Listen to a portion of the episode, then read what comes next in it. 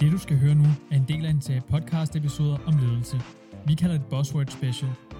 Den er lavet af Troels Bæk, fodboldtræner, sportsdirektør, foredragsholder og nu podcastredaktør.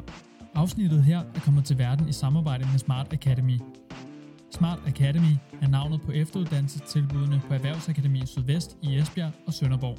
Serien bliver udgivet eksklusivt på smartacademy.dk, inden den senere kommer hos podcastmediet Mediano. Her skal du holde øje med kanalen Mediano-magasinet.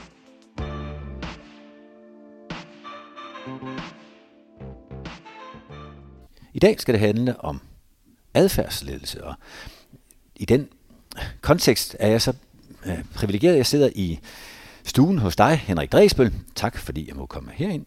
Velkommen til. Og øh, om dig ved jeg jo noget, øh, blandt andet fordi, at vi... Ja, det, vi har jo ikke børn sammen igen. Det er, jo, det, der, det, det, det, er biologi, det er også øh, at udfordre biologien og andet andet, men, men vores respektive børn har dog alligevel tilbragt en del tid sammen på fodboldbanen, og derfor har vi stået ved siden af, og derfor kender jeg dig en del. Og, øhm, og risikoen for, at jeg forstår det, du siger implicit, eller måske endda halvt inden i den sætning, du siger, er jo til stede, og derfor så skal jeg, og det skal være din ret, og også minde mig om det, huske, at vi skal have det til at være tydeligt for andre end mig og dig. Yes. Det er spændende, og derfor så er det også disclaimet, at vi jo faktisk kender hinanden. Og jeg kender dig derfor også som ham, der er... Du har din egen virksomhed, uh, WeLearn, hvor ja, det jo faktisk forener det at uh, bringe læring til de virksomheder, samtidig med, at de skal kigge på bundlinjer og få det til at spille som en profitabel virksomhed. Uh, og så er du helt aktuel. Du har skrevet en bog, som hedder For det til at ske, som handler om adfærdsledelse, og i Øh, på ryggen af den har du også lavet din egen podcast, som har samme navn, for det til at ske. Og øh, derfor så ved jeg, at du kan berige mig og dem, der lytter med og interesserer sig for det her emne her. Så allerførst vil jeg godt lige høre, når nu jeg synes, at det er en relativt ny ting med adfærdsledelse, og jeg hører til den, som lidt for sent har forstået adfærdsdesign og så videre, notching og alle de begreber, der fulgte med, så kunne jeg godt tænke mig at høre eksperten sige, jamen, hvornår stammer det her fra? Hvornår er det, at det er blevet en, en væsentlig faktor, og på hvilken måde har det givet sig til udtryk i dansk erhvervsliv? Jamen altså, jeg tror, øh, de fleste kender termen notching, øh, og notching har sådan cirka 10 år på, på banen her i, øh, i Danmark, og er et relativt, relativt ny øh, disciplin. Og notching er jo øh, den forestilling, eller den idé, at man kan hjælpe mennesker med at træffe mere hensigtsmæssige valg eller beslutninger ved at ændre deres omgivelser. Øh, altså ikke prøve at påpege eller ændre deres motivation, deres vilje, men prøve at ændre deres omgivelser. Det kan være en helt simpel ting som at lave om på måden buffeten er indrettet på, at man altså sætter den sunde mad forrest og den usunde mad bagerst, og så har vi en tendens til at vælge det, det sunde. Og, øh, Hvorfor ikke lige så godt bare fjerne den usunde mad, tænker man så? Jo, men altså, vi vil helst ikke fjerne valget. Altså, så ideen er jo, at øh, folk skal jo stadigvæk have retten og friheden til at vælge, hvad de vil. Mm. Men vi prøver at, at guide, hvad kan man sige, øh, borgerens eller forbrugerens valg ved at ændre på de umiddelbare omgivelser for det. Og det har, det har man eksperimenteret med at arbejde med, og i, i nogle sammenhæng fået god effekt ud af det, og andre øh, mindre øh, god effekt. Så fandt man jo ud af det her nudging, det her med at fokusere på menneskers adfærd, menneskers tendens til faktisk ikke altid at vælge de mest optimale betingelser for sig selv. Man optager høj risiko, eller man er det, som en, en forsker kalder forudsigeligt irrationelt, altså at man har en tendens til at begå de samme fejl igen og igen på de samme steder. Så fandt man ud af, at det kan da egentlig godt være, at det kan noget mere, det her øh, notching. Og så fik det et lidt dyre ord, øh, det hed adfærdsdesign, hvor man så sagde, satte to elementer sammen, altså indsigt i menneskelig adfærd på den anden side, og indsigt i kontekster og processer, eller altså sådan design på den anden side, altså brugbarhed og så videre, som vi kender det fra, fra IT, øh, øh, teknologi, øh, industrien generelt, hvor man undersøger brugerne i kontekst. Og så fik man så adfærdsdesign. Og det har man kørt med i, i en ram tid også, men det, der sker tit med adfærdsdesign, det er, når man bringer sådan to ting sammen, som kan være svære at forstå i sig selv, altså så bliver det ikke nødvendigvis mere forståeligt af at bringe dem sammen. Altså menneskelig adfærd, det kan man jo så til at bruge hele sit liv på. Ja. Designprocesser også, hvis så slår de to ting sammen til adfærdsdesign, så der får man altså ikke nødvendigvis et endnu mere forståeligt univers. Og jeg, og jeg taler af erfaring, for jeg har selv forsøgt at arbejde med at implementere det og sælge det og konceptualisere det sammen med virksomheder i, i snart 10 år øh, og lave videnssalg på det. Så det, det, det er ikke noget, der lige sælger sig selv. Altså, øh, hey, jeg har lige brug for 500.000 kroner adfærdsdesign her. Så, så, så jeg tænkte, okay, hvad nu hvis, at der egentlig er mange ting i det her, som faktisk har noget på sig, med det forudsigelige, irrationelle menneske, begrænset motivation, begrænset vilje osv. Hvad nu, hvis der faktisk er noget i det? Øh, men det vi egentlig mangler, det er painen. Altså man ligesom kan se, hvad er det for et problem, det kan løse for mig en forretning. Øh, og så kigger jeg på, hvad er egentlig en af de største pains i virksomheder? Det er jo forandringer, fordi forandringer er jo typisk det, vi ikke kender. Altså øh, det er komplekst, vi skal ud i noget ukendt, der, der sker noget nyt. Vi kender måske hverken, hvor vi starter, altså A, vi kender heller ikke nødvendigvis, hvor vi skal hen B. Og der er ikke nødvendigvis nogen lineær sammenhæng mellem, hvad jeg siger og det, du gør. Så, så forandringer er bare øh, generelt komplekst. Og så, hvad nu hvis det her adfærdsindsigt, det kunne bruges i den kontekst? Og, øhm, og så skrev jeg bogen der, for det til at ske, som jeg så hedder adfærdsledelse, som egentlig er en støttedisciplin til at lave bedre forandringsprojekter øh, i virksomheden. Så det trækker altså på teknikker for notching, det trækker for, på noget metodik for adfærdsdesign, men er nu sat for en vogn, der hedder, hvordan kan vi få mere og bedre menneskelige forandrings, altså designe mere menneskelige forandringsprojekter i organisationer. Så, så at få det til at ske er så sådan den første samlede guide i Danmark til at arbejde med det ind i organisationen. Ja, og jeg har også haft lejlighed til at læse den, og jeg øh, noterer mig, og det her det bliver så til et spørgsmål om lidt, men jeg noterer mig, at den heldigvis har øh, hands-on øh, vinkler, mange indstigninger i mange forskellige niveauer, hvor man reelt kan gå ud og, og tage det med sig ud i virkeligheden og, og, og handle på det. Øh, og, og bare lige for at stillende folks nysgerrighed, så linker vi til den i, i teksten under øh, den her podcast. Øh, jeg skal så formulere mit spørgsmål nu. Øh, når nu det er brudt igennem og du kalder notching et begreb inden for de sidste 10 år. Jeg husker, øh, Daniel Kahneman han fik Nobelprisen, har jeg ikke bare huske, men også genoplæst i 2002, øh, blandt andet for at, at beskæftige sig med nogle af de her irrationaliteter, eller øh, forudsigelige systematiske øh, biases, eller til, tilbøjeligheder, kald det hvad du vil. Øhm, der, der noterer jeg mig, at i den samme periode, der er der flere og flere med Svend Brinkmann og en gang imellem også dig som undtagelse, der påstår, at alt er i konstant beta, alt udvikler sig, alt forandrer sig, og det er disruption næsten fra uge til uge, og derfor er forandringsledelsen øh, en, en enorm væsentlig disciplin. Så væsentlig, så vi om lidt kommer til at tage det op en gang til. Mit spørgsmål går så på, er det her også et udtryk for, at øh, forandringsledelsens indvending øh, i, i dansk erhvervsliv, eller i internationalt erhvervsliv, er det også et udtryk for, at man er blevet træt af store forkromede visioner, som aldrig bliver til noget. Altså om det er 95 procent, der mislykkes, eller det er færre. Øh, men at man har brug for, som din bog og din podcast hedder, at reelt få det til at ske, så det ikke bliver hængende i en planche. Er det også det, der sker i, i den sidste periode, om det er 10 eller 20 år? Jo, men jeg tror, der er jo, der er jo mange gode pointer øh, i det, du siger. Der er dels hele teoridelen, altså det der med at forstå adfærdsøkonomien, som Daniel Kahneman øh, ligesom repræsenterer, den måde, som vi tænker og træffer beslutninger på, øh, er jo helt afgørende. Og det er det jo også ind i virksomheder og organisationer. Man skal jo huske på, at organisationers mindste enhed, det er beslutninger. Så hvis vi kan lære at træffe bedre beslutninger, så kan vi altså også træffe, eller lære at lave bedre forretning. Så det, det er ret afgørende. Men Danny Kahnemans bog, som jeg tænker, du refererer til at tænke øh, hurtigt og langsomt, er en relativt kompleks sag. Altså det er ikke sådan en, man skal tage med på stranden i hvert fald. Og den kan også godt være lidt svært omsættelig. Øhm, så nævner du det der med Svend Brinkmann og mig. Jeg er ikke sikker på nødvendigvis, at Svend Brinkmann vil være over i både med mig i forhold til at få det til at ske.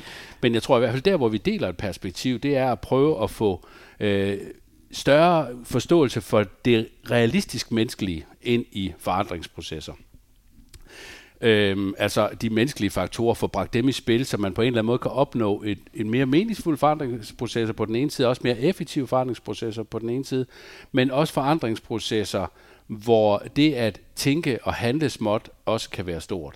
Og det tror jeg, vi kommer tilbage til. Mm. Så er der en faktor mere, som vi har glemt. Øh, der er jo flere, der har beskæftiget sig med det her. Mange har jo læst Morten, altså Morten Mønsters øh, bøger, Jytte for Marketing, og, og det har jo aktualiseret nogle tænkninger, og man har ligesom kunne høre, og også fra sin egen praksis at se, at det er jo svært, det der med implementering.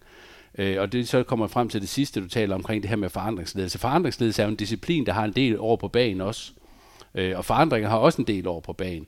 Men, men, men jeg tror, det nye er, at der er kommet større fokus på, øh, hvad kan man sige, forandringens heldige hellige gral, nemlig implementering. Altså fra det øjeblik, at vi pifter i fløjten, og så er vi i gang, og til vi så står i omklædningsrummet bagefter, hvad fanden er det, der sker i, i det øjeblik, der for at bruge sådan en, en fodboldmetafor. Øh, og, og, og der tror jeg, at at det, som, som der måske har gået galt i mange organisationer, det er, at det måske ikke er så meget det menneskelige, der har været forkert i forandringerne, men det har, måden, det har været måden, organisationerne har gået til det på og at den måde, som organisationer har gået til forandringer på og går til forandringer på, typisk har været meget sådan top-down forbedringer. Altså det er virkelig noget, der kan komme til organisationen til glæde og gavn, men måske lidt mindre øh, den ansatte og lidt mindre for for, hvad hedder det, øh, for miljøet. Altså det, man taler om, man, man taler jo om negativ eksternalitet. Altså når du og jeg producerer noget i en virksomhed, så trækker vi også veksler på et omgivelserne, på miljø og så videre, så videre. Og der kommer altså nogle generationer nu, der ikke bare går med på, at vi bare kan lave restløse forandringer, og så bare trække på verdens øh, hovedstol, som vi har lyst til. Øh, og jeg tror også, at der kommer nogle, nogle generationer, som også forventer at blive inddraget på en helt anden måde i det at bygge forandringer, end de har været før.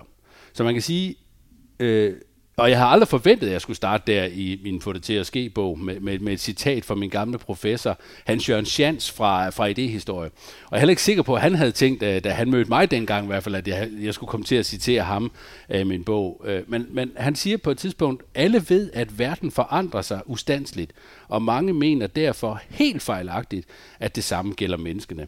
Så man kan egentlig sige, at jeg har skrevet en bog, om alt det, som ikke forandrer sig i forandringer. Altså de menneskelige faktorer, de faktorer, der skal være til stede, øh, og betingelser, som er optimale for, at mennesker de kan ændre deres adfærd. Så på den måde er det egentlig et forsvar for det menneskelige midt inde i forandringerne. Og, øh, og det er også i høj grad et forsvar øh, midt i det hele for, for hvilen og pausen. Altså inaktivitet er jo også en handling, der kan virke ind i forandringer. Det kan være, at vi kommer tilbage til. Men, men, øh, men, men helt klart et forsvar for de menneskelige faktorer i forandring. Ja. Og dem kunne jeg godt tænke mig at, at få boret lidt mere ned i de menneskelige faktorer, der skal være der. Altså, øh, fordi inden at jeg spørger, så prøver jeg at spille nogle af de begreber ind, som jeg har øh, fået på plads øh, omkring det her, og det kan være, at de skal ryddes af vejen igen for at få plads til nogle bedre begreber, men øh, at, at forudsætning for øh, forandringsledelse, som vi snakker om her, og brugen af notching osv., det kræver også en ændring i menneskesyn fra, at hvis nu man kunne få et menneske til at vide tilstrækkeligt, og ville det nok, og i øvrigt træne evnen, eller det at kunne, så skulle mennesket nok i egen kraft finde frem til sit bedste præstationsniveau. Altså viden, vilje og kunden. Og nu ser det ud som om, at man... Og, og, øvrigt, og konsekvensen af det, det var, når det ikke skete alligevel, så, og det har vi jo lige konstateret eller diskuteret om, det var 95 procent af tilfældene, der ikke blev til det, man havde øh, ønsket sig i sin intention, så, så blev det straks til en, en, en mistro til den enkelte kollega om, at de ikke ville det nok, vidste nok eller kunne det nok. At der var en, en fejl eller en, manglende indsats.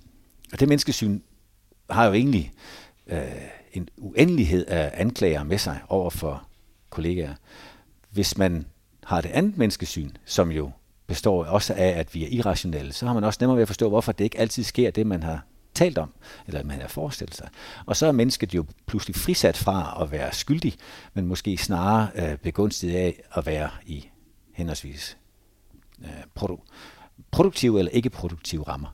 Og lige præcis det, hvilke menneskelige faktorer, der skal være til stede, øh, og accepten af det som uforanderligt, vil jeg gerne spørge lidt mere ind til. Så hvis, hvis ikke jeg har mis nærmest voldtaget hele konceptet ved at, at introducere på den måde, som jeg har, det sidder jeg så og kigger på dit glade, venlige, nikkende ansigt, og det kan jo så ikke komme lytterne til gode, at du nikker, men det gør du. Øhm, så, så kunne jeg godt tænke mig at gøre lidt mere ud af, hvad er det for nogle menneskelige faktorer, du tænker, der skal være til stede, for at en god forandringsledelse kan, kan finde sted? Jamen for det første handler det om en bevidsthed om adfærd, øh, før det er en bevidsthed om forandring. Fordi forandringerne, de skal, de skal nok komme hverken inden, både indenfra eller udefra. Men lad mig prøve at starte med en fortælling øh, omkring en menneskelig forandring, sådan en forandring helt i, i børnehøjde, kan man sige. Vi var til en, en forårskoncert på et tidspunkt nede på, på Hundrupskolen her i Odense, og, og det er jo så nogle af de der fantastiske øjeblikke, hvor man på den ene side sådan er det små pinligt, fordi noget af det virkelig er falsk. og på den anden måde, øh, på den anden side, så ser man egentlig med en lille tår i øjenkrogen hele tiden, fordi de også bare er uendelig smukke og søde, de børn, når de står og synger. Og der var så på den tidspunkt en tryllekunstner, der var med til en af de utallige forårskoncerter, jeg har været til. Jeg har tre sønner. Og, og øh, han siger på et tidspunkt, Emma fra første C, du skal komme herop på scenen. Jeg vil gerne se dig heroppe. Og så øh, går der sådan en sug igennem salen. Alle, vi ser en 300 mennesker der på skoletorv. Vi ved jo godt, at Emma, hun vil ikke op på den scene der. Mm. Og det tror jeg også, han vidste. Øh, så han siger, at jeg har jeg har taget en lidt speciel ting med her, øh, og det er så et klappetæppe. Og, øh, og så tænker folk, hvad er et klappetæppe? Og så siger de, at klappetæppe, det virker på den måde, at hvis du kommer op og sætter din fod på det, så klapper hele salen. Og når du løfter din fod, så stopper de med at klappe. Og så siger han til men vil du nu komme op? Og det vil hun jo lige pludselig gerne, fordi nu skal hun op og prøve det her klappetæppe. Ja, det er en leg. Leg. Hun kommer op, og hun sætter sin fod frem, og sætter den på klappetæppe, og så klapper alle 300 mennesker. Tager foden af, øh, og det gør hun så et par gange. Hun ser klappetæppe, det faktisk virker. Det han, bidrager, det han egentlig øh, laver der, udover at gøre, øh, gøre Emma tryg, øh, og også gøre rummet tryg faktisk, det er, at han skaber en kontekst for hendes forandring. Hmm. Øh, han skaber et kontekst og et rum, hvor hun kan tage trygt ud i noget, som er ukendt. I, i en sammenhæng, hvor der er enormt meget pres på, en masse, der forventer noget, hun selv er nervøs. Vi har alle mulige intentioner, alt det er et komplekst rum, der laver han en kontekst. Og jeg tror egentlig, at det, øh, som, som god adfærdsledelse i al sin enkelhed handler om, det er at skabe de her kontekster for hinanden, som vi kan agere i. Og, øh, og der er det jo sådan, at ledere, de påvirker ikke nødvendigvis adfærd direkte, men de kan så skabe kontekster for, at andre mennesker kender deres adfærd, og de mennesker ændrer så deres adfærd, der igen øh, giver kontekster for, at andre kan ændre adfærd adfærdslederen i sig selv er sådan en metaforandringsleder, kan man sige, som så står ovenfor og kigger på at sige, hvordan kan jeg egentlig hjælpe lederen med at ændre sin adfærd, så organisationen kan gøre det. Og det her det er jo ikke helt øh, bare et spørgsmål om klappetæppe. Hvis man kigger sådan faktuelt på det, så er 40 procent af BNP'et i de vestlige lande, det kommer fra udviklingsprojekter, øh, som relaterer sig til forandring. Det er ret kraftigt. Og i under 60 procent af tilfældene lykkedes vi faktisk med at forandre vores adfærd i forandringsprojekterne. Under 60? Un, under 60 procent, Og det er dog ja. mere positivt end minus 95. Ja, det, det, det, det kører lidt op og ned, alt efter hvor, hvor, hvor meget man gerne vil sælge sit budskab. Men, men jeg tror sådan, en, en god tommelfingerregel siger sådan, i halvdelen af tiden lykkes vi faktisk øh, med at ændre adfærd, eller lykkes vi ikke med at ændre adfærd. Så man kan sige, der er altså plads til forbedringer, men det er også et kæmpe potentiale, man kigger ind i. Det, jeg tror også, det er derfor, der er en masse øh, litteratur og teori om forandringer, fordi vi er så netop så usikre på det. Det jeg så gjorde i forhold til at undersøge det her, det er, mit, mit udgangspunkt er jo, at adfærden er motoren i forandringen. Enten som konsekvens af den forandring, der sker, altså at vi ændrer vores adfærd, hvis der nu for eksempel er corona, så tilpasser vi alle sammen vores adfærd, eller som noget, du skal gøre noget nyt, for for eksempel at leve op til det nye IT-system. Motoren er hele tiden adfærd. Og hvis man kigger på organisationer, så er organisationer rigtig gode til at lave why med Simon Sinek, og lave et stort purpose, og lave fornuftige, fornuftige og gode øh, forklaringer på, hvorfor vi skal ændre os. Man er også rigtig god til at lave projektledelse, altså beskrive projektet, lave budgetter, lave deadlines, og ligesom stands projektet ud i nogle rammer. Da vi tryk, lave nogle leverancer, beskrive websitet, hvad skal der være på af fotoer og billeder osv. Men adfærden bliver hjemløs i de her to kammer øh, mellem på den ene side forandringen, store why og projektleverancerne. Øh, der er ikke nogen, der, der ligesom tager sig om og siger, vil de her mennesker egentlig gå med ind på det? Har vi noget klappetæppe? Har vi nogle ting, vi kan sætte i? Hvordan laver vi de, de her kontekster? Så der er ikke nogen, der, der kigger på adfærden, og det var det, som jeg satte mig for. Det jeg så gør, fordi en adfærdsledelse går videnskabeligt øh, til værks, øh, det var at prøve at se, hvis vi nu kigger ind i organisationsteorien, hvilke virksomheder, foreninger og organisationer lykkes sig faktisk med, øh, med forandringer. Og der havde McKinsey lavet et metastudie. Og et metastudie betyder i al sin enkelhed, at man kigger på tværs af alle mulige studier, for at se, om der er nogle effektstørrelser, vi kan genkende, og som kommer igen. Så der er et eller andet mønster i det. Det betyder altså, det, det er noget af det, det fineste, man kan lave inden for, for sådan et effektstudie. Det er metastudier. Og øh, de havde så kigget på 1000 øh, organisationer i deres forandringsprocesser, og de havde lavet large eller ekstra large forandringsprojekter, det vil sige agil kultur, transformation af det, eller et nyt IT-system. Så det handler altså ikke blot om at få flere til at læse nyhedsbrevet, det er sådan en forandring i ret stor skala. Og der pegede de på fire faktorer, kunne man læse ud af, af deres øh, studier, og det egentlig handlede om, at dem, der lykkedes med det, det var dem, der gik småt. Altså de startede simpelthen utrolig småt på den der forandring. De næste, den næste overskrift, det var gå bredt, altså at man skulle gå ud og gøre det attraktivt, så man kunne se, at der var en social gevinst ved at forandre sig. Og det næste var så at gå hurtigt, altså man hurtigt skulle få smag for den her forandring og komme med ind på det. Og så det sidste niveau, det havde, det, og det tror jeg, de er fuldstændig ret i, men de pegede på sundhed. Altså at man havde en sund krop, øh, og det er jo sådan en adfærdsmuskel, de kan jo trænes. Altså ligesom muskler, så er adfærd også en muskel, så det kan trænes. Altså man får hvilet ordentligt, man får øh, motioneret, man får spist osv. Det er ret afgørende for at kunne lave en forandring.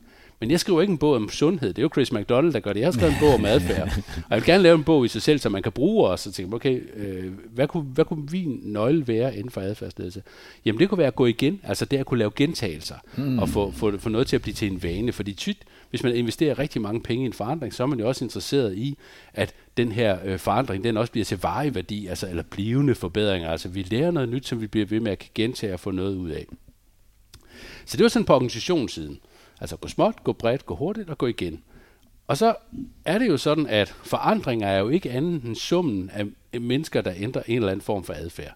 Der er jo ikke et eller andet øh, heldigt sted, hvor vi kan pege for forandringen. Nej, vi kan pege for forandringen i form af, at du og jeg gør noget nyt. Og sige, hov, de gjorde faktisk noget nyt der. Hvad var det? Altså, okay, de har så åbenbart forandret sig i en retning. Øh, og f- igen, forandringer og handlinger er jo ikke noget, der nødvendigvis kun går ud af. Som jeg sagde før, hvile er jo også en handling. Altså, du kan jo godt lade være at gøre noget, øh, og så er det stadigvæk en handling. Og det er en, det er en større diskussion, hvad man egentlig skal definere ved det. Men det er jo ligesom vil frem til, det var at sige, det er individer, der skal ændre noget adfærd. Så efter at have kigget på organisationssiden, med de fire nøgler, gå småt, gå bredt, gå hurtigt og gå igen, så kiggede jeg på individsiden og sige, hvad er der egentlig over ved individet af de betingelser, som skal være til stede for en ændring kan ske. Og der gik jeg ind i øh, nogle studier, blandt andet en professor, der hedder Susanne Michi, har lavet omkring det at skulle for eksempel være i et rygestop, eller skulle stoppe med at drikke alkohol, eller skulle lægge en adfærd om ind i, sundheds, øh, ind i en sundhedssamling. Og hun har lavet nogle rigtig, rigtig fine øh, mediestudier, og samlet ud af 83 forskellige forandringsmodeller, har hun så ligesom samlet de ting i et sådan et adfærdsforandringshjul, kalder hun det. Vi kalder det et adfærdshjul, bare for at få ligestallet lidt ned. og de fire nøgler, som der ligger i det arbejde, det studie, plus alle mulige andre teoretikere, blandt andet James Clear, der er ligesom fire faktorer. Det første er, at det, jeg skal kunne gøre, det skal være indlysende. Jeg skal simpelthen kunne se for mig, okay, hvis du skal drikke mere vand, så skal du drikke mere vand. Hvis jeg skal være mere agil, så er det noget i den der retning, jeg skal gøre. Jeg skal kunne se det for mig. Det skal være i mine omgivelser. Det næste er, at det skal være attraktivt. Og der er jo to former for attraktivitet her. Der er en motivation, som kan komme udefra i form af noget point og noget belønning. Eller det kan være noget motivation, der kommer indefra. Altså jeg ligesom har en, en trang til at agere på det, fordi det giver mig noget i forhold til den person, jeg er i gang med at øh, blive til, øh, om jeg er forfatter, eller trommeslager, eller dygtig ingeniør, eller hvad jeg er. Og så den øh, nøgle nummer tre, det handler om, at det skal være let, altså øh, det skal være lettere at handle, end at tænke over, hvad man skal gøre. Og det sidste princip, det er så at det her med at kunne øh, at gøre det givende. Altså det er simpelthen sådan, at vi har et biologisk system, som gerne vil opleve en eller anden form for belønning. Hvis jeg lægger en video på LinkedIn, så får jeg en, en, en belønning i form af en besked, der hedder, din video er nu klar. Altså det er altså ikke belønninger med, at vi skal sidde og give hinanden feedback i timevis. Øh, det handler altså bare om små anerkendelser om, at jeg har set, hørt eller mærket, at du har forandret dig at man får den relativt tæt på sin handling. Og lige pludselig så får man jo et simpelt system, og nu skal jeg nok øh, pause den, med at sige, det er de fire nøgler, der så ligger, gå småt, gå bredt, gå hurtigt, og så med en lille øh, underspidsfindighed ved at gøre det indlysende, ved at gøre det, hvad hedder det, attraktivt for dig, ved at gøre det let, og gøre det givende. Og det er så fire nøgler, du kan designe din forandring ud fra. Så det er egentlig det er afsættet for, for, for god adfærdsledelse. Nu spurgte du til betingelserne. Det blev et lidt langt svar, beklager. Men, men det bliver så godt et svar, så jeg har simpelthen brug for lige en tænkepause for at finde ud af at formulere det næste spørgsmål. Så her får vi lige plads til et budskab fra den her podcast. Øh, afsender nemlig Smart Academy. Hvis du ikke kender Smart Academy, så kommer du til det i de kommende år. I en tid, hvor meget er usikkert, så er det ganske sikkert, at efteruddannelse både kan hjælpe dig igennem og videre ud i nogle udfordrende, men spændende år. Hold øje med de fine muligheder for transportfolket, teknikerne og salg- og markedsføringsentusiasterne, selv de digitale af slagsen. Så tøv endelig ikke med at tage kontakt, hvis du gerne vil snakke med en vejleder om mulighederne for at tilpasse et forløb til lige præcis dig og din virksomhed. Se mere på smartacademy.dk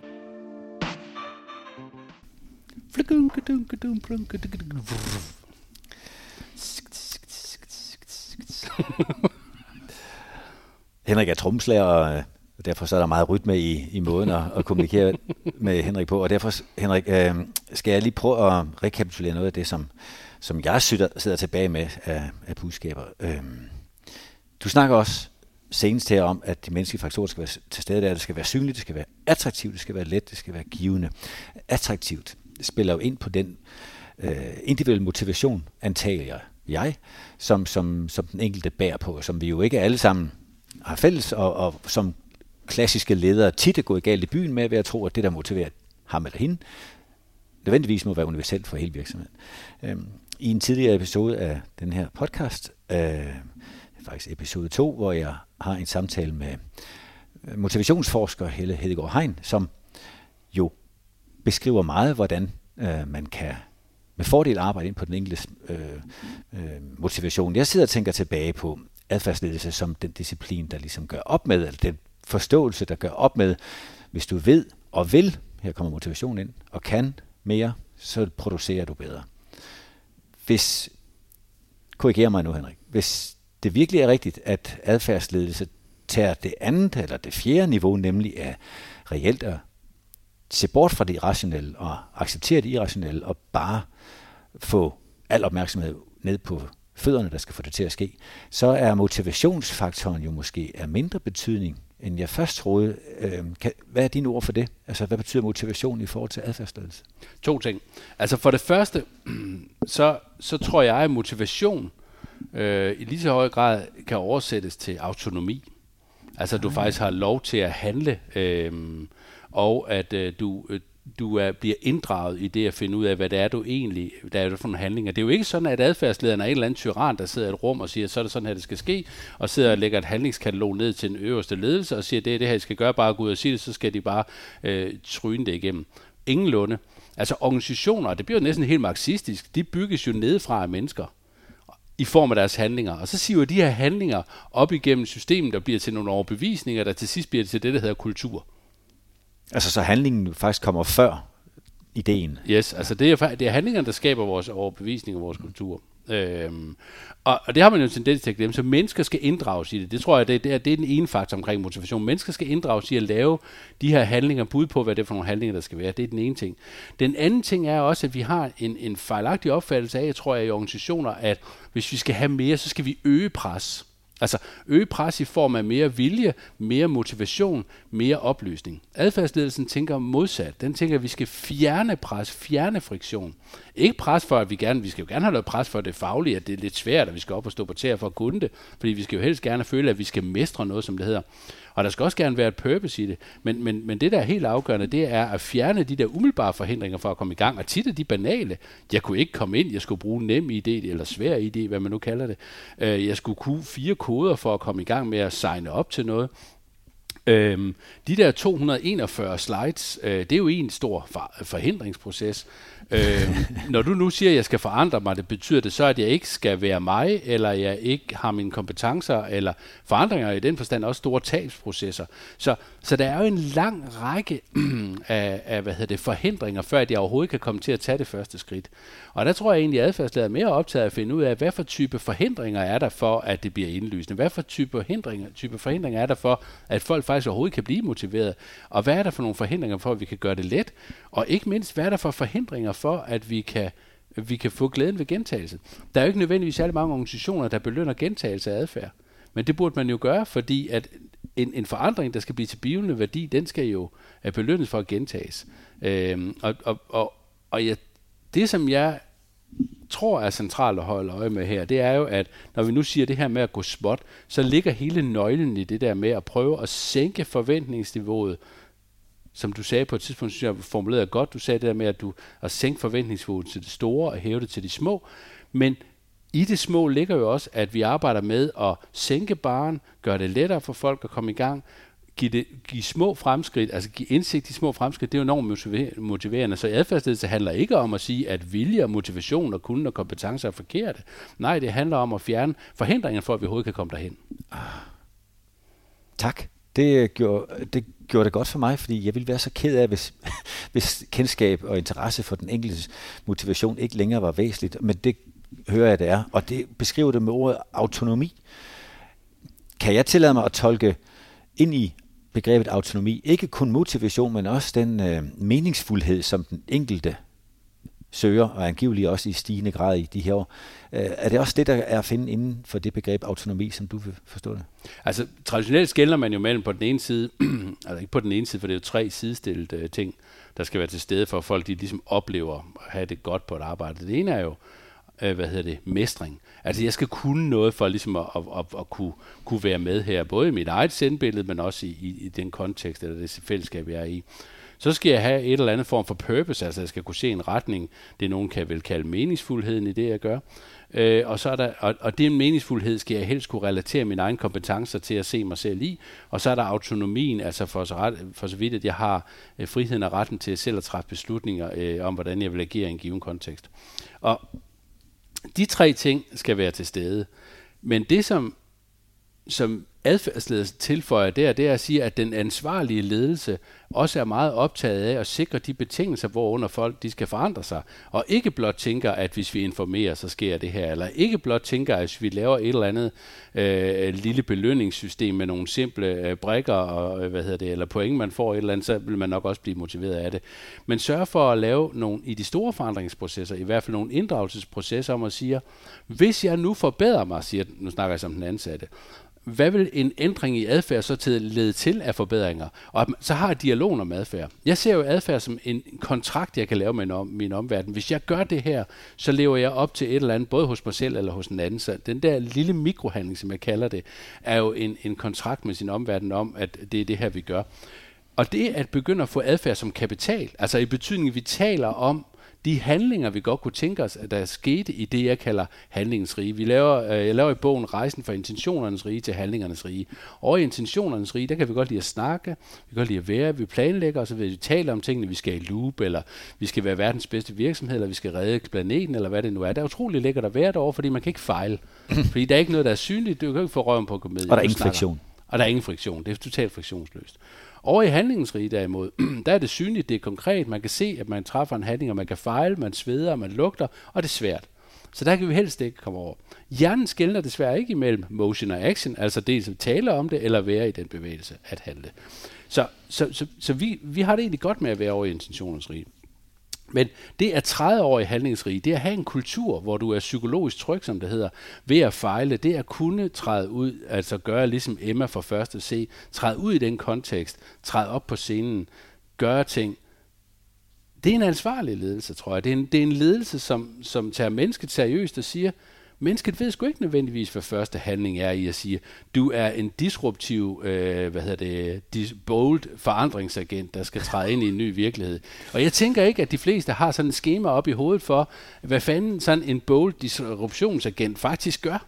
Så, så den gode dialog, når du laver forandringer, synes jeg, er jo dialogen om, hvad er det for nogle handlinger, som faktisk er meningsfulde svar på de krav, der kommer, enten i forandringen med det nye IT-system, eller kravet indefra i organisationen mod at skulle løse en problemstilling om en sexistisk kultur, eller hvad den fanden det nu er, man har det er jo, meget af det her er jo alvorligt, øh, og er alvorligt også, at virksomheder de ændrer sig. Så det at bare tale i intentionernes rige, det synes jeg egentlig ikke er at tage mennesker alvorligt. Jeg synes, det er at tage mennesker alvorligt, hvis man begynder at prøve at have dialoger om, hvad er det for eksempler på handlinger, vi kunne gøre for, at vi kommer til de forandringer og kommer til de forbedringer. Og så lad det være forbedringer, som ikke kun vedrører en forbedring for organisationen, altså at 10% bliver 8 milliarder rigere, hvis vi gør det her, men også noget med, at vi måske har gjort en forskel for en omverden, eller der er et læringsforhold, du kan få ud af af det, øh, og at hvis vi gør det her, så kan vi skalere øh, den læring, vi har som organisation, så det også bliver et attraktivt sted for endnu dygtigere kollegaer at komme til. Fordi det er jo noget af det, vi ved er virkelig motiverende. Det er, at det hold, du kommer til at spille sammen med i din organisation, betyder egentlig mere end, end løn over tid.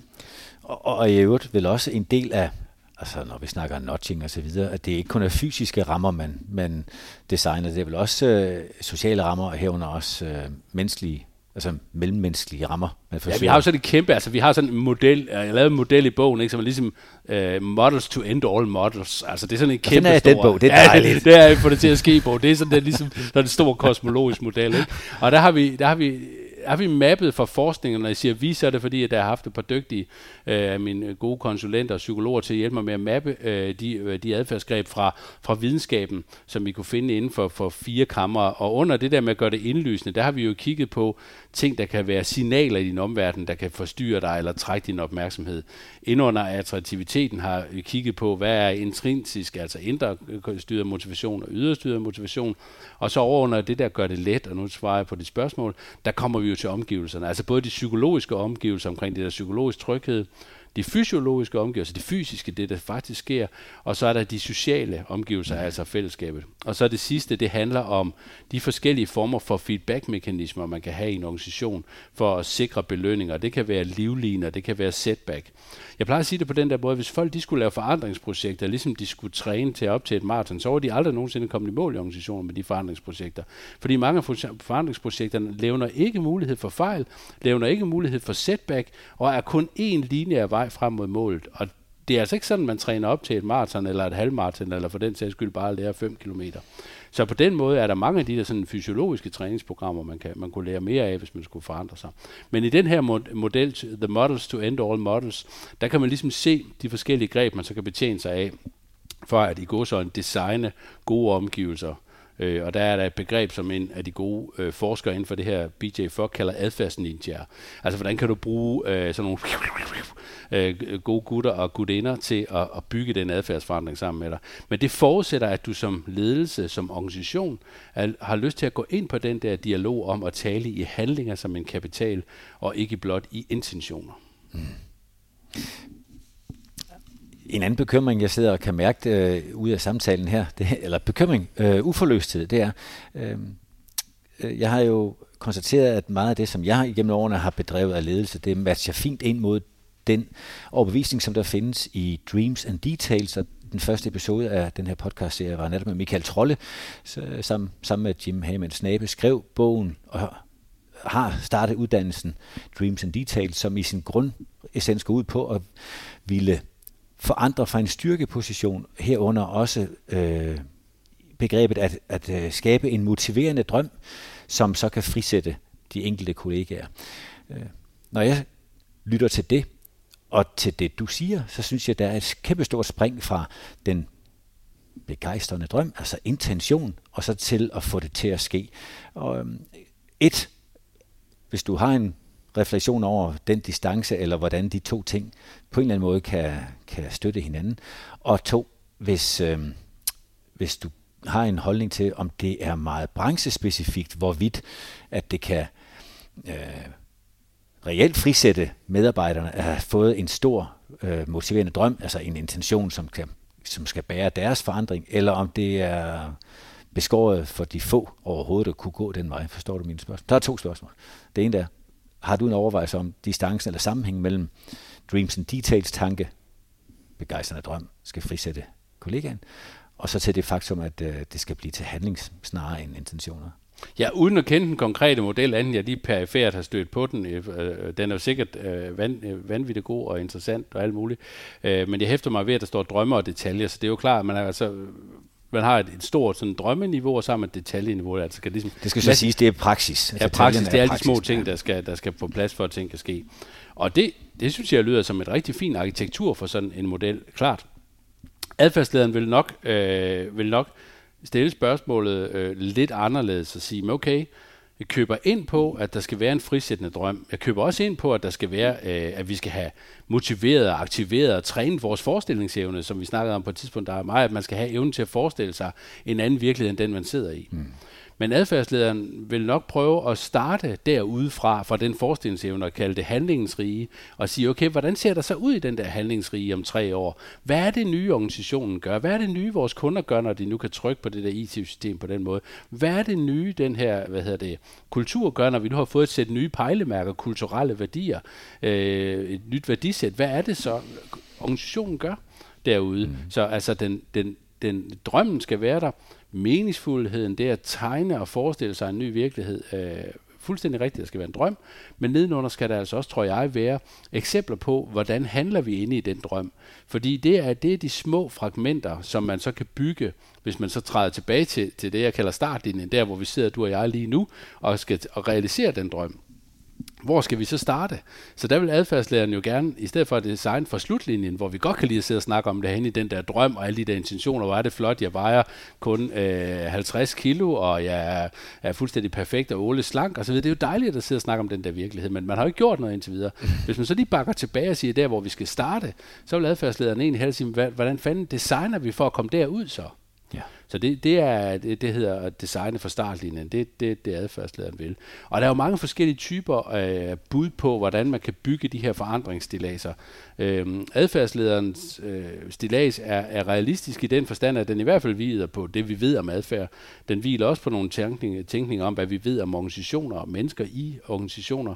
Og så tror jeg, det er enormt, øh, så tror jeg, det er enormt afgørende også, at, at adfærdsledelse er jo ikke ledelse i betydningen op i toppen af trakten, der hvor der sidder en styregruppe, en direktør og nogle ejere skal udvikle. Adfærdsledelse er et implementeringsværktøj. Det er et støtteværktøj, ja. når du kommer tættere på praksis. Så det vil sige, typisk får adfærdslederen forandring, når den er tykket, når den er tegnet op, og hvor der er en stor, øh, stort, lækker, svedig, behåret mål. Der er en saftig fortælling, vi alle sammen kan mærke om, hvorfor vi skal ændre os, fordi det her det er virkelig øh, svaret på øh, vores svar på mobile pay i den her organisation, og man kan mærke alt det der.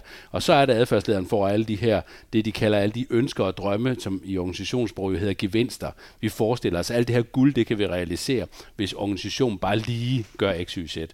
Og det er det der bare lige gør x, y, z, hvor adfærdslederen så træder til og siger, okay, der er nogle mennesker, der skal gøre noget nyt. Dem skal vi hindre.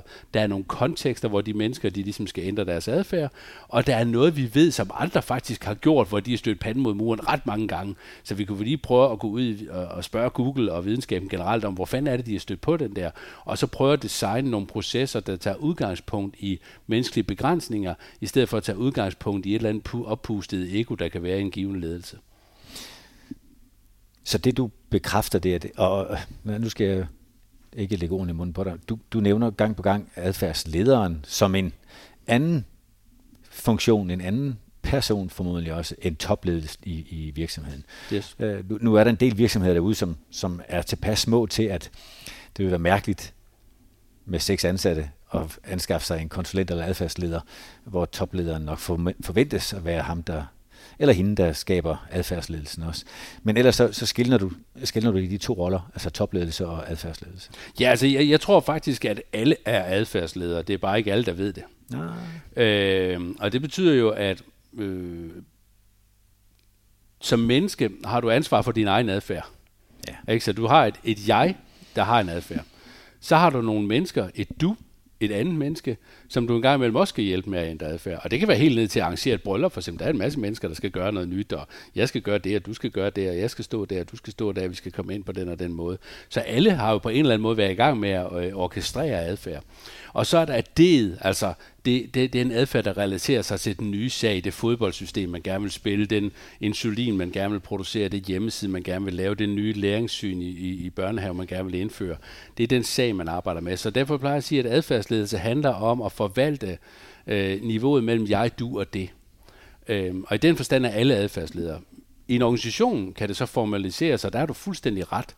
Der er jo ikke, øh, der vil det jo typisk, øh, hvad hedder det, øh, i en lille øh, opstartsvirksomhed i, øh, i Indre By eller øh, i Vendsyssel, eller hvor det nu er vi i landet, øh, med tre personer, så mener jeg jo sagtens, at øh, projektledelse, adfærdsledelse og forandringsledelse kan øh, spille sig samme personer, vil ofte også gøre det. Der der er jo det lille arbejde der bare, at forandringslederen typisk er det, man kalder gevinstejer. Det vil sige, at forandringslederen har et eller andet forhold til ejerledelsen, eller bestyrelsen, eller opdragsgiver for den her forandring, og vil dermed være en, man er i dialog med. Øhm, og det kan jo selvfølgelig, kan man godt være med sig selv, øh, men det er jo sjældent, man sætter større arkitektur op for, for at kunne ændre adfærd ved en person. Mm. Øh, så, så, så, så, så der vil man normalt fordele det på, på i hvert fald mindst to. Men ellers, så tror jeg, at det, der er centralt, det er jo egentlig, at jeg vil ikke påstå, at adfærdsledelse er et mindset, fordi det, det er faktisk ret dunkelt, hvad det betyder. Det er egentlig en praksis, der består af nogle handlinger, som du oplever meningen i ved at gøre dem. Og, øhm, det tror jeg også, altså hvis man skal sige noget om det, så har vi jo uendelig brugt uendelig mange ressourcer på efteruddannelse i forandringsledelse. Vi har også brugt rigtig, rigtig mange ressourcer i god projektledelse. Det er sindssygt afgørende, fordi hvis 40 procent af udviklingen kommer fra projektdrevne øh, forandringsprojekter, så er projektdelen jo enormt vigtig, at vi bliver gode til. Det, øh, jeg tror til gengæld, at man kunne, man kunne gøre lidt mindre ud af at, at skrive øh, så meget på det der store why, og så gå lidt mere i gang øh, med hvor og hvem og hvornår og hvordan, øh, og så måske stille de spørgsmål ud fra en horisont, der hedder, at det menneske, jeg står overfor, har nogle begrænsninger. Og det er jo egentlig det, der gør mennesket smukt. Altså det er jo ikke det, der gør det øh, dårligt dårligt i min verden. Det er, at det er fejlbarligt. det er, at det ikke kan huske særlig meget. Det har heller ikke uendelig opmærksomhed, og det har ikke 100% motivation for alting hver dag hele tiden. Øhm, og jeg synes, den leder, som på en eller anden måde øh, tager højde for øh, det, at vi er en krop i verden, øh, med alle de øh, genvordigheder og problemstillinger, det giver begrænset udsyn. Det er jo da en utrolig, øh, tror jeg, øh, fremtidig orienteret måde at arbejde med, med ledelse og forandring på, at man starter for begrænsningen og tør at adressere det, ikke som en svaghed, men som en styrke. Det burde være slutordene, fordi det er så præcis og godt, som det kan gøres. Jeg har dog alligevel, og det forstyrrer så den, den, den smukke del her. Øh, jeg har i hvert fald et, øh, et spørgsmål tilbage. Øh, det kan være, at det faktisk viser sig. Det, vi skal se håndbold jo. det skal ja. vi jo ikke, Troels, jeg ved det godt. Øh, det skal vi ikke. det skal vi ikke. Jeg har engang i forbindelse med coachings store fremvækst i Danmark prøvet at læse mig klogere på emnet, og det mindede mig dengang om en noget ældre bog, jeg engang havde læst, som var tysk, som hed Manipulieren aber richtig. okay, ja, det lyder altså godt. og, og øhm, nogen altså, manipulation, kunne, klart, men ja, det skal gøres rigtigt. ja, ja, og det er jo dobbelt manipulerende, ja. kan du sige. Øh, nogen vil kunne sige, at adfærdsledelse, adfærdsdesign, egentlig er et smukkere ord for at manipulere folk hen til noget. Hvad vil du sige om den påstand? Altså, jeg slutter bogen øh, med, et, med en epilog, som jeg kalder bivirkning. Mm. Fordi hvis man nu accepterer mange af de her tanker, der ligger i det, jamen er der så ikke nogen bivirkninger ved det, ikke? Altså, ved hele det her. Øh, jo, det er, der jo, det, er der jo, det er der jo givet, og jeg får oftest øh, svar, svaret, når jeg holder webinarer og foredrag omkring det her. Men jeg vil sige, det at tage udgangspunkt i at hjælpe dig ud fra den begrænsning, der er i det, inddrage dig i, hvad det er for en handlingsrige, vi er ved at forme med den her forandringer. Få dit besøg med til, hvad det er for nogle handlinger, du skal lave. Gør det gennemsigtigt for dig, hvad det er, vi bruger i forhold til at lave sådan et forandringsprojekt, mener jeg jo er mere, mening, øh, mere hvad hedder det, menneskeligt end ikke at gøre det. Og det man jo skal huske, det er jo, at jeg er meget tiltaler, eller tiltalt af den, af den analog ledelse, det at bringe mennesker sammen i rum, i fællesskab, anerkende de kroppe, anerkende, at de, er, at, at de leder fra en række begrænsninger, og det er begrænsningerne, der giver styrken og potentialen. Meget mere end det, der foregår i det digitale rum, hvor, og der vil jeg give dig ret, der kan nogle af de her greb, kan jo godt blive manipulerende i betydningen, at du ikke kan se, at du faktisk er genstand for manipulation, at vi tager dine data, vi tager dine personlighedsting, og så kaster vi det hele tilbage øh, i form af nogle skide produkter på en hjemmeside, du så sidder og kan spejle dig selv i, så du næsten er sådan en eller anden lille boble. Ikke? Det er jo sådan et datadrevet adfærdssystem, hvor det er øh, dunkelt for dig. Adfærdsledelse, der lægger vi altså ingredienserne frem. Vi taler om de handlinger, der skal gøres. Vi gør det tydeligt, at fejl ser sådan her ud, at de er velkomne, og så eksperimenterer vi os frem. Det er noget, vi ikke har talt så meget om i, uh, i det her afsnit, men det, der jo ligger nede i adfærdsledelsen, er jo også at prøve at sætte nogle små læringsadfærdseksperimenter op sammen med folk, hvor vi prøver af at sige, okay, forslaget til, at vi kunne komme derhen i den der retning af at blive agil, der var, øh, der var dine greb, det var de her fire handlinger, mikrohandlinger, lad os prøve at teste dem af sammen. Så altså, at man på en eller anden måde har en driftsvirkelighed kørende, hvor din forandring er, øh, eller hvor din forretning den ruller, og så laver du de her små øh, eksperimenter, hvor du forsøger at lære om, hvordan kan vi egentlig ændre os i de her kontekster. Du kan ikke generalisere noget på tværs af kontekster, men du kan generalisere noget på de faktorer, der skal være til stede i de kontekster. Og nu er vi tilbage der, hvor vi startede, nemlig med det, der ikke ændrer sig i, i, i forandringer. Det er fokusere på de faktorer. Og det håber jeg er kommet for at blive, og jeg håber også, at det er kommet for at blive i den forstand, at hvis man vil have det til at ske, så skal det altså starte sammen med mennesker, gennem mennesker. Mennesker er både mål og midler, de må aldrig nogensinde blive et mål i sig selv. De er, eller et middel, de er et mål i sig selv, og det kræver altså, at vi starter med at forstå, hvordan de er indrettet. Henrik Dresbøl, tusind tak for det meget opklarende de meget opklarende ord. Øhm, jeg er glad for at kunne dele det med dem, der lytter med her på Smart Academy, og for dem, som har fået appetit på mere, vil de kunne finde links nede under øh, den her øh, episodebeskrivelse, hvor de kan dygtiggøre sig, som er helt præcis formålet med Smart Academy. Øh, Smart Academy. Henrik, du skal have tusind tak, og det skal I, der lyttede med også. Du har lyttet til Buzzword Special. Afsnittet her er kommet til verden i samarbejde med Smart Academy – Smart Academy er navnet på efteruddannelsestilbudene på Erhvervsakademiet Sydvest i Esbjerg og Sønderborg. Serien bliver udgivet eksklusivt på Smart Academy, inden den senere kommer hos podcastmediet Mediano, hvor du skal holde øje med kanalen Mediano Magasinet. Tak fordi du lyttede med.